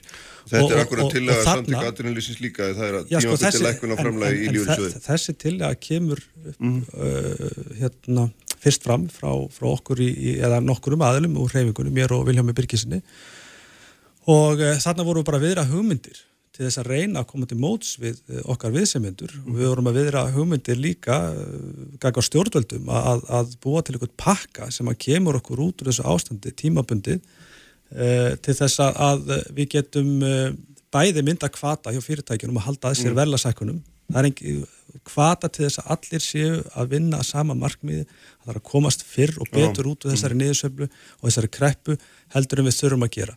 Nú hafa samtök atvinnlýfs þetta algjörlega í hendi sér, hvort er alltaf að segja upp samningum og hvort sem að, að samtök atvinnlýfsins ógni hér uh, sko ekki bara friði heldur stöðuleika með því að segja upp samningum, það er ekki gott að spá fyrir um það. Uh, mér heyrist á þóstinni sem hefur vantalega atkvæðisrétt innan, innan samtök atvinnlýfsins að það sé massum bendi til þess að þeim verði sagt upp. Eh, en verður það ekki að þá, þá, þá eru við alltaf tilbúin til að koma á borðin mm. og ræða lausnir til þess að komast saman uh, bak í bak út úr þessu uh, COVID-máli Hvað, þú veist, sko, hérna, samtök aðunlýfsins, hérna, ég veit að þú tarar ekki fyrir þau en þau, þau eru með nokkra leiðir, það er frestun launahækkan á lenging kjæra samning sem henni nefnur tíumöndin lækkun á framlægi í lífri sjóði og tíumöndin frestun endur skoðanar en er þetta hugmyndir sem að þér hugnast eða myndir vilja fara einhverja aðra leiðir? Sko, eða skiptir þetta ekki máli? Ég, það, það er sem að, að ég ítrekka bara uh, langtíma áhugjum mínur þegar þú ert í stöðu sem eru ósálbær uh -huh. uh, þá döga tímabundna lausnir ekki til þess að, að lagana og, og Ragnar Þór segir sko við erum elda hér kostnæðarhekkanis og þetta er bara grundvar að allar aðeðið aftur og aftur. Það er sko þjóðarsáttun og sínu tíma fóli í sér þennan sam, samfélagsáttmála um að við myndum einblín á kaupmátt en ekki nafnlögna hekkanir og það má vera nú að segja bara að þessi, þetta norranna vinumarkaslíkan gangi út af þá sama þess að mann segja að við getum sótt kaupmátturökninguna við lægra verbulgustig og lægra vakstastig, lægra kostnaðistig þar með talið innanlands mm.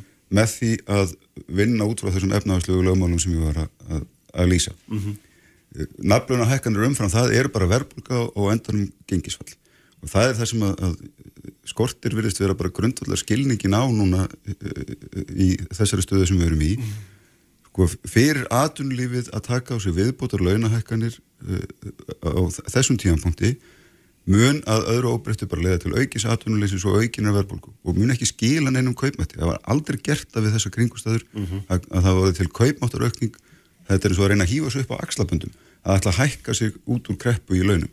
Það gefur auðarlega að það gengur ekki upp en það getur skapað þess að hætt á því að þessi alþjóðlega kreppa sem við erum stöttið núna sem að vonandi verður skamvinn en mun samt alveg taka okkur 2, 3, 4 ári að vinna okkur út úr, það bara þekkjum við frá fyrir tíð en við getum snúið hennu upp í heima tilbúna innlendakreppu ef við ekki bregðumst með réttum hætti við núna. Og svar þitt við þessu væri þá það hvað? Væri það þá bara, nú, núna hérna, fristu við bara laun? Svar mitt við því væri nú veru að verkefliðsefing og vinnuveitundur settust að nýju yfir allar grundvallar fórsöndur. Samningurinn er algjörlega hérna, hrunin á henni grunn efnæðslegu fórsöndur sem hann begið á, mm -hmm. sem gerði ráð fyrir því að hér er við í samfældum hagvist í gegnum samstíðan. Uh -huh. Nú erum við að horfa á verulegan samdrátt já, já, býtu, eh, og sem því gefur auðarleið að sveigurum vinnuveitandi mm -hmm. til launahekkana sem eru þegar að segja fólki upp mm -hmm. og atvinnulegs er að nálgast 10% og bara taland um kaupmátt sko kaupmáttar högg þeirra sem missa vinnuna er langt, langt mest mm. og það er lítur að vera og hefur yfirleitt alltaf verið megin fórkasefni bæði aðla, bæði hérna vinnuveitanda og verkeflisefingar á svona tímum að atvinnustíði verða forgámsættriði við, við þessa kringustöður. Mm -hmm. Því er hafnað hér og það er verið að reyna að knýja í gegn breytingar sem munu hækka atvinnuleysi frá því sem öll er, munu auka verbúkustíði frá sem öll er og það má bara nefna það að það er annar uh, tímapunktur í þessum kærasamningum aða ári uh, varandi fórsundurans. Þá má búast við því að uh, verðlags kaupmáttar hérna, og, og hérna, vaksta fórsundurans verði fallnar mm -hmm. að við verðum komin inn í verðbólku tímanbíla nýju mm -hmm. og þess vegna held ég að sé bara skeinsanlegt að setjast yfir það núna og það er mjög mikilvægt upp á það að við lendum ekki í svona neikvæðin spíral aftur að það skapist eitthvað betra andrúslótt á milli aðeila vinnumarkaðins heldur en hefur engjent undan fennið 23 ár Ragnar? Ég get alveg tekið undir það að, að, að, að það er algjört forgásverkum að setjast niður. Já, menn, niður, sitja, menn sitja núna þessi fórsöndu nefndi er að vinna, ekki? Nei, hún er búin að komast að niðurstu í rauninni en en að samaskapi þá er ekki hlutverk fórsendinefndar að komast að laust uh, þessara deilu eða, eða, eða, eða þeirra staðrættir aðlar ekki saman hvort að fórsendur haldið ekki. Mm -hmm. Nú sko sam, þeirra samningarinn er gerður að þá Hvert er þá hlutverkanar ef það er ekki að finna eina, það eina sem að hérna, fórsendin átt að gera átt að taka ákvörðunum það hvort að fórsendu heldið ekki mm -hmm. uh, svo, svo gerist það fórsendinum kemst að, að, að verkefliðsreyfingi kemst að því að fórsendur halda og þess að kemst að, að því gagstaða. Uh mhm. -huh. En það er ekki fórsendur nefndarinnar að finna leiðir til þess að, að eh, segja, stoppa í, í, í þau göð sem að þau telja vera í, í samningnum.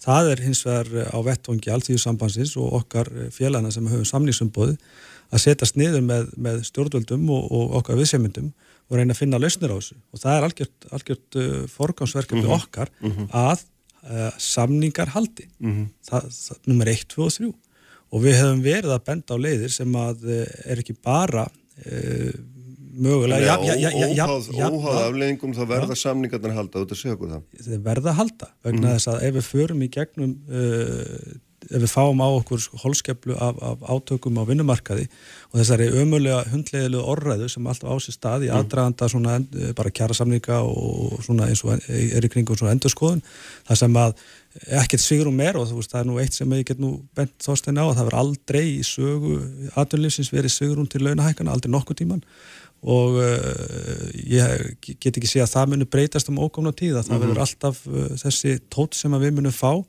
en við höfum bent á leiðir sem að uh, við höfum talið skinsamlegar við þessar aðstæður þar sem að við getum bæði fengið launahækkanar sem að munu keira áfram nesluna mm -hmm. og halda, halda allavega einhverjum hagvesti gangandi mm -hmm. og, og, og, og hérna- auka neslu við getum líka farið hína leiðina sem að, sem að hérna, er að, að, að frista hér allt uh, sjá til þess að fólk hafi rétt ofan í sig á á eða lendir á strípuðum bótum og þá þarf fólk eins og ég sagði aðan að taka ákvörðum það að greiða reikninga að kaupi matinn. Við þurfum að fara í mjög heilstæðri lausnir. Uh -huh. Eh, vinnumarkaðin er eitt vandamálið. Uh -huh. uh, þeir þúsundur einstaklinga sem er að koma núna inn á strípaða bætu sem er ekki náttúrulega 289 krónur fyrir skatt. Og uh, þarna þurfum við bara, og líka fyrir fyrirtækin þarna þurfum við að finna einhverja línur fyrir fjármálakerfið eru- að hjálpa Já. bæði einstakling og fyrirtækjum að komast í gegnum þetta Já. með, eh, með greiðsluskjólum En Ragnar, nú eru- og, nú og með, með, með dagar- miklum, Já, það. miklum og umfjörsmunum aðgjörnum sem við verður að fara í og gera ekki sömu mistökin og við höfum alltaf, alltaf Nei, gert sína. En nú eru örfóðu dagar til mannamóta sko. Það er 27. í dag Já. og, hérna þú veist það, það blasir við Já, að það gerist sko, eitthvað fyrst áttum ég, meni, ég sé ekki annað Jú, í jú, jú, og En- hvað verður, hvað, hvaða viðbröð verður þá á þinni hálfu og ykkar? Sko, mín viðbröð eru þau ef að samtök aðlunins taka til dæmis ákvörðunum að segja ekki upp uh, samningum að þá tel ég samt mikilvægt að við setjum sniður Mhm. og finnum lausnir og tölum í lausnum vegna þess að vandamáli fer ekkit frá okkur nei, nei. Uh, það sem ég vil sjá í þessu að við náum góður samkomulagi við uh, bæði stjórnvöld og samtök aðlunisins í að búa til nöðsynlega kvata til þess að fyrirtækin og, Mhm. og, og verslunin haldi að sér verðlasækunum og þá þurfum við að fá eitthvað að borðinu fyrir Mhm. alla og það er mjög mikilvægt að, við, að þessi vinna fari í gang alveg saman hvort að samtök aðlunisins segja upp eða ekki Mm Hvað heldur þú að gerist núna, mánamóti? Ómælt að segja til um en auðvitað sko svona samtölu þurfa að eiga sér stað áður en uppflætnar ákvæði hérna, kærasamninga rennur út en ekki eftir, ekki verið auðvitað leið. Ef að fórsendur eru fallnar verskalisreifingin neytar að, endur skoða samningana með, með neinum hætti að uh, þá er mjög erfitt að segja að, að taka það trúur að segja eftir að ekki lengur hægt að segja samningunum upp verði hægt að ræða að spilli heims og jarðar. Mér langar bara til þess að setja þetta aðeins í, í, í sammingi því að ég segi við erum í þessari hættu raunverulegri hættu að við séum að fara hér aftur inn í vikslhækkanir laun og verðlags þessum eh, þessum grundvallar uh, lögmálum sem þó voru viðkend í þjóðasóttinni hefur bara verið reynilega hafnað af núverandi fórstu verkefliðsreifingarnar við skulum bara horfa þetta út frá einföldi svona mið útflutningsgærinlarnar okkar eru svona, getur við sagt, fyrirvinna þjóðabúsins. Allt sem er hér til skiptana er uh, ræðist að því hvað okkur tekst að afla okkur í, í gælduristekjur. Og það, þegar útflutningsgærinlarnar eru að taka á sig svona mikið högg, það að ganga þá, samt vel. ef við erum Já, að þá er að hækka laun ofan hitt allt saman, það er svona álíka skynsamlegt, eins og ef við segjum bara að laun heimilisins hjá mér myndu lækka um 10%, en við heimilisfólki kemum okkur saman um það að við ætlum að auka útgjöldur okkur um 20% til þess að keira okkur út úr þessari kreppu. Það gefur augalega að það mun aldrei halda vatni til lengri tíma litið. Og það er nákvæmlega það sama sem á við hér, þetta er á endanum ekki flóknar heldur en þetta, og við þessa kringustöður þurfum við að endur skoða fórsendur að tala um þetta, við þurfum að vinna upp kostnæðarhækkanir, þetta er orðræða 8. og 9. áratugurins þetta er eins og hundurinn sem eldi skottið á sér endalust.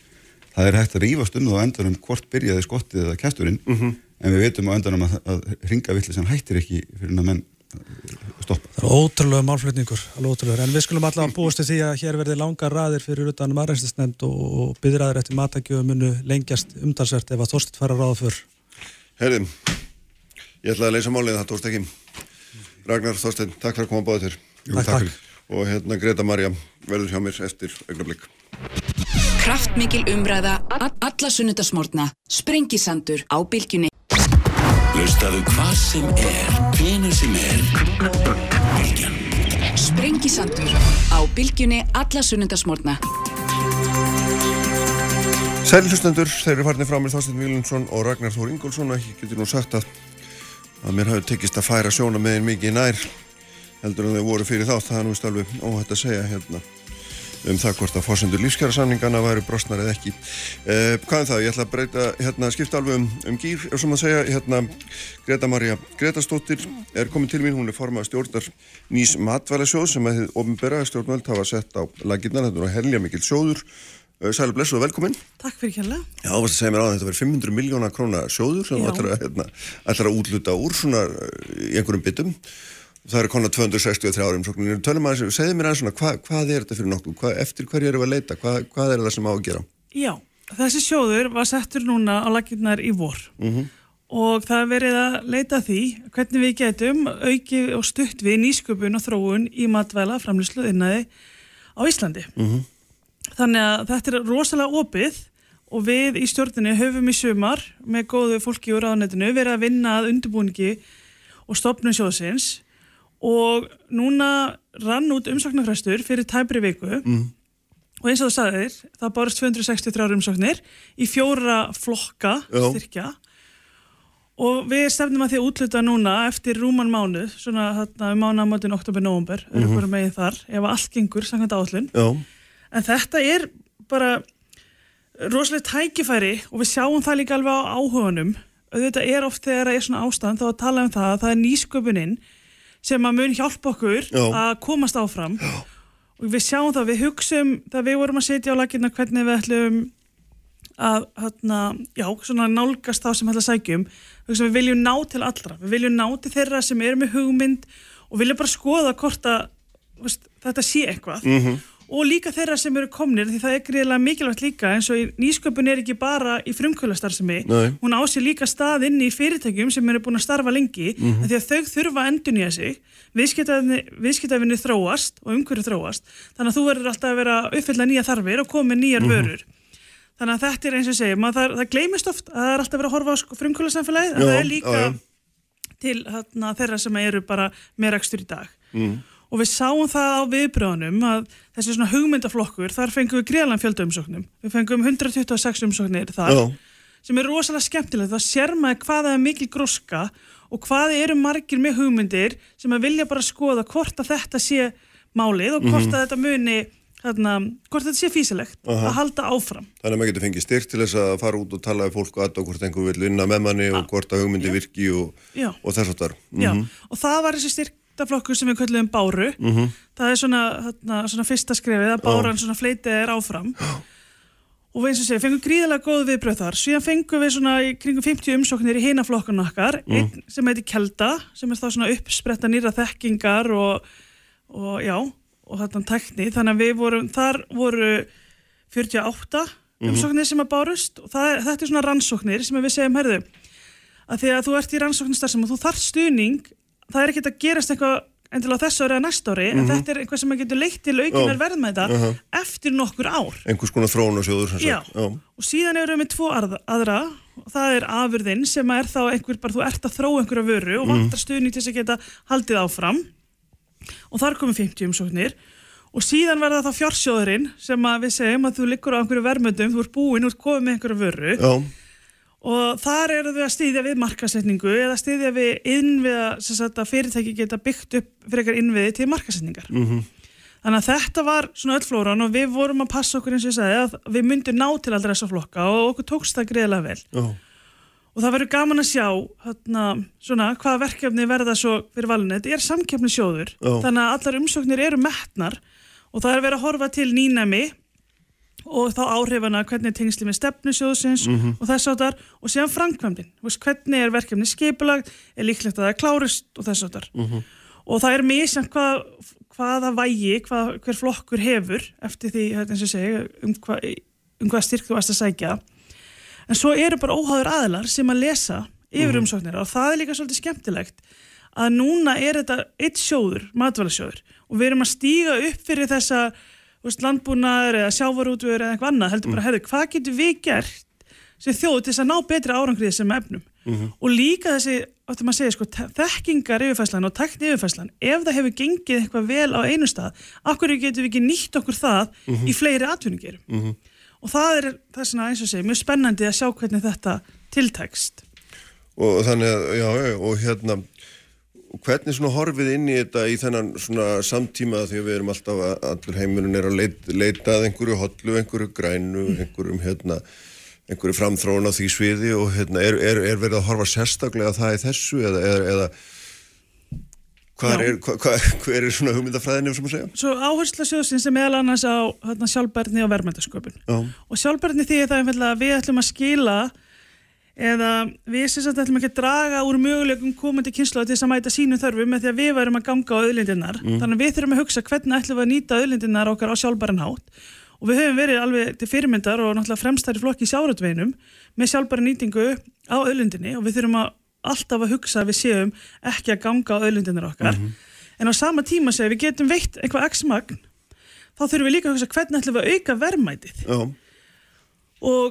að að þú getur gert það með því að nýta afverðuna betur þannig að allt það sem að til fellur og því að maður nú byrjaði að taka dæmu sjávarðunum þá eru við eins og þar, veist, það eru kollagen, það vissi engin hvað það var fyrir nokkrum árum. Nú eru orðin kollagen drikkir og kollagen vítamin og annað sem að eigur það því þá ertu með vöru og þú nærða að selja líka fleiri hluti heldur en bara það sem er til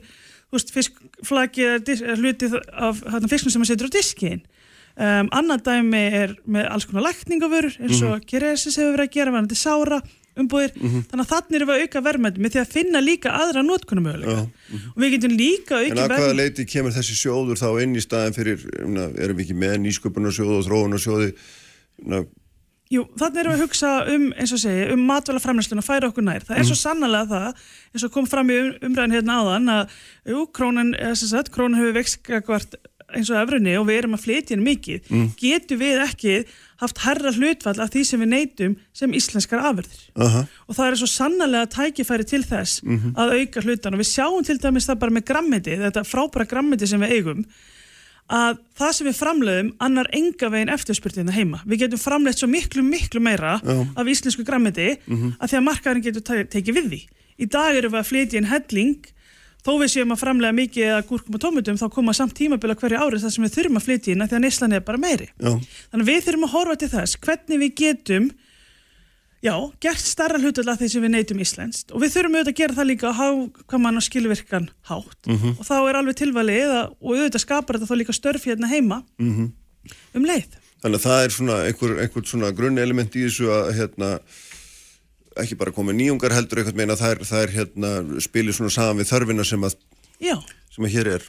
og það er líka eins og segið, Erum við að tala, tala um einhverjar, erum við að tala þá um einhverjar, ég veit ekki ég er algjörlega komin út á túnni í þessu, en er þetta rektunar aðfriðir eða tækni aðfriðir eitthvað slíkt til Já, þess að auka einmitt. framleyslega, hvað, það er þannig að nýsköpun er ekki bara eins og í matvælum við það að bara koma með eitthvað nýja vöru heldur líka, til dæmis það hvernig getur aukið geimsluþól, það er eitthvað verðmæti. Þannig að allir tækni, tækni og ferlar, hvernig átt að kæla vörurna niður og getur gert það til þess að það auki geimsluþólið og líka eins og við tölum um þess að svona lóðréttu rektun að sjálfsögur mikil tækifæri þarna Þannig að það er rosalega mikið og það er svo gaman við þarna matvæla framlýslu og matvæla þetta er svo breytt skó. Aha. Þú veist, þetta er allt frá, segið, þú þarft einhverja tækni til þess að, já, fara í framlýsluna og það er bara, eins og ég segi, við erum svo heppin ímyndin okkar líka og við getum segið, bæði auki hlutfallið þar sem við erum að neyta hérna heima en getum við líka notað eitthvað og fluttað út. já.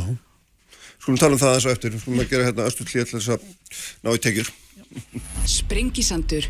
Alla sunnudaga á bylgjunni. Sprengisandur. Alla sunnudaga á bylgjunni.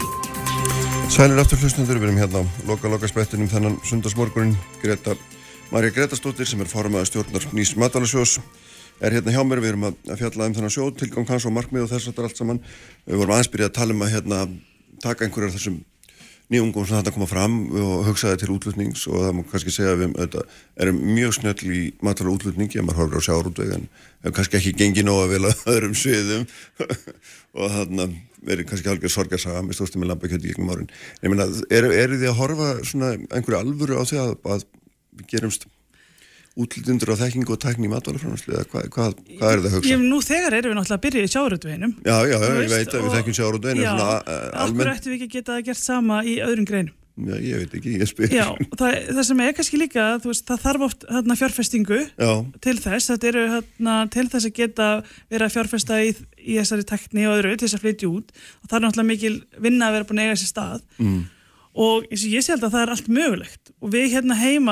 að já, græn, þess að ímynd okkar er gríðarlega góð til útflutnings og sjálfsögðu eigum við að byggja henni og þar höfum við sankefnisforskot á aðra.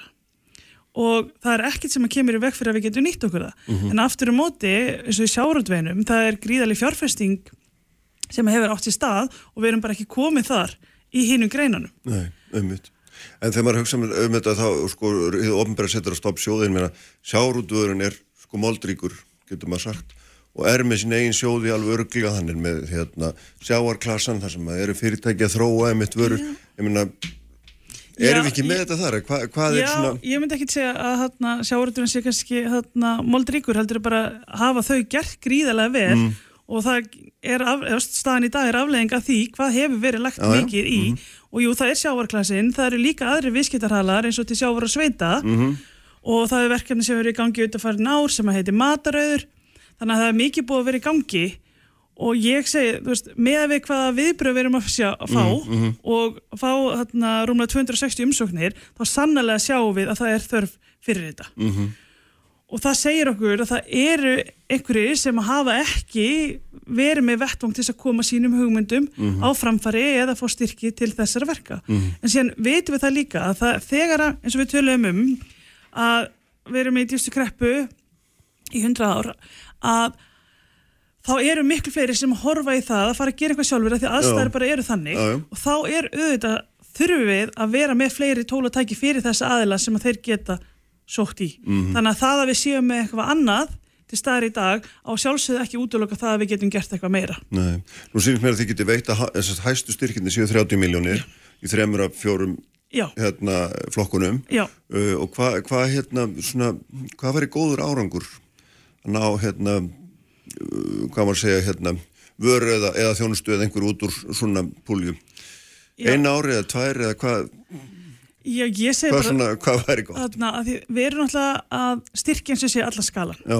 Þannig að við erum að styrkja eins og í fjársjóði, þar eru vörur sem eru komnar á markað. Já. En eru að sækja á nýja markaði eða styrkja markasókn á þau markaði sem þau eru fyrir. Þannig að það er svolítið það sem er bara, þar eru vörur til og það eru markaðar fyrir í dag og þar eru búin að sanna sig.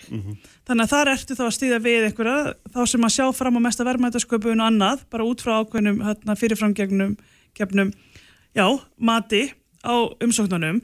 En síðan er þetta til dæmis eins og með kelduna, það sem að ert bara í grunn rannsóknum. Já, Og þá er það endilega ekkit ljóst sko, innan eins eða tveggjast hvað gerist, heldur er það tímaramin miklu lengri. Mhm.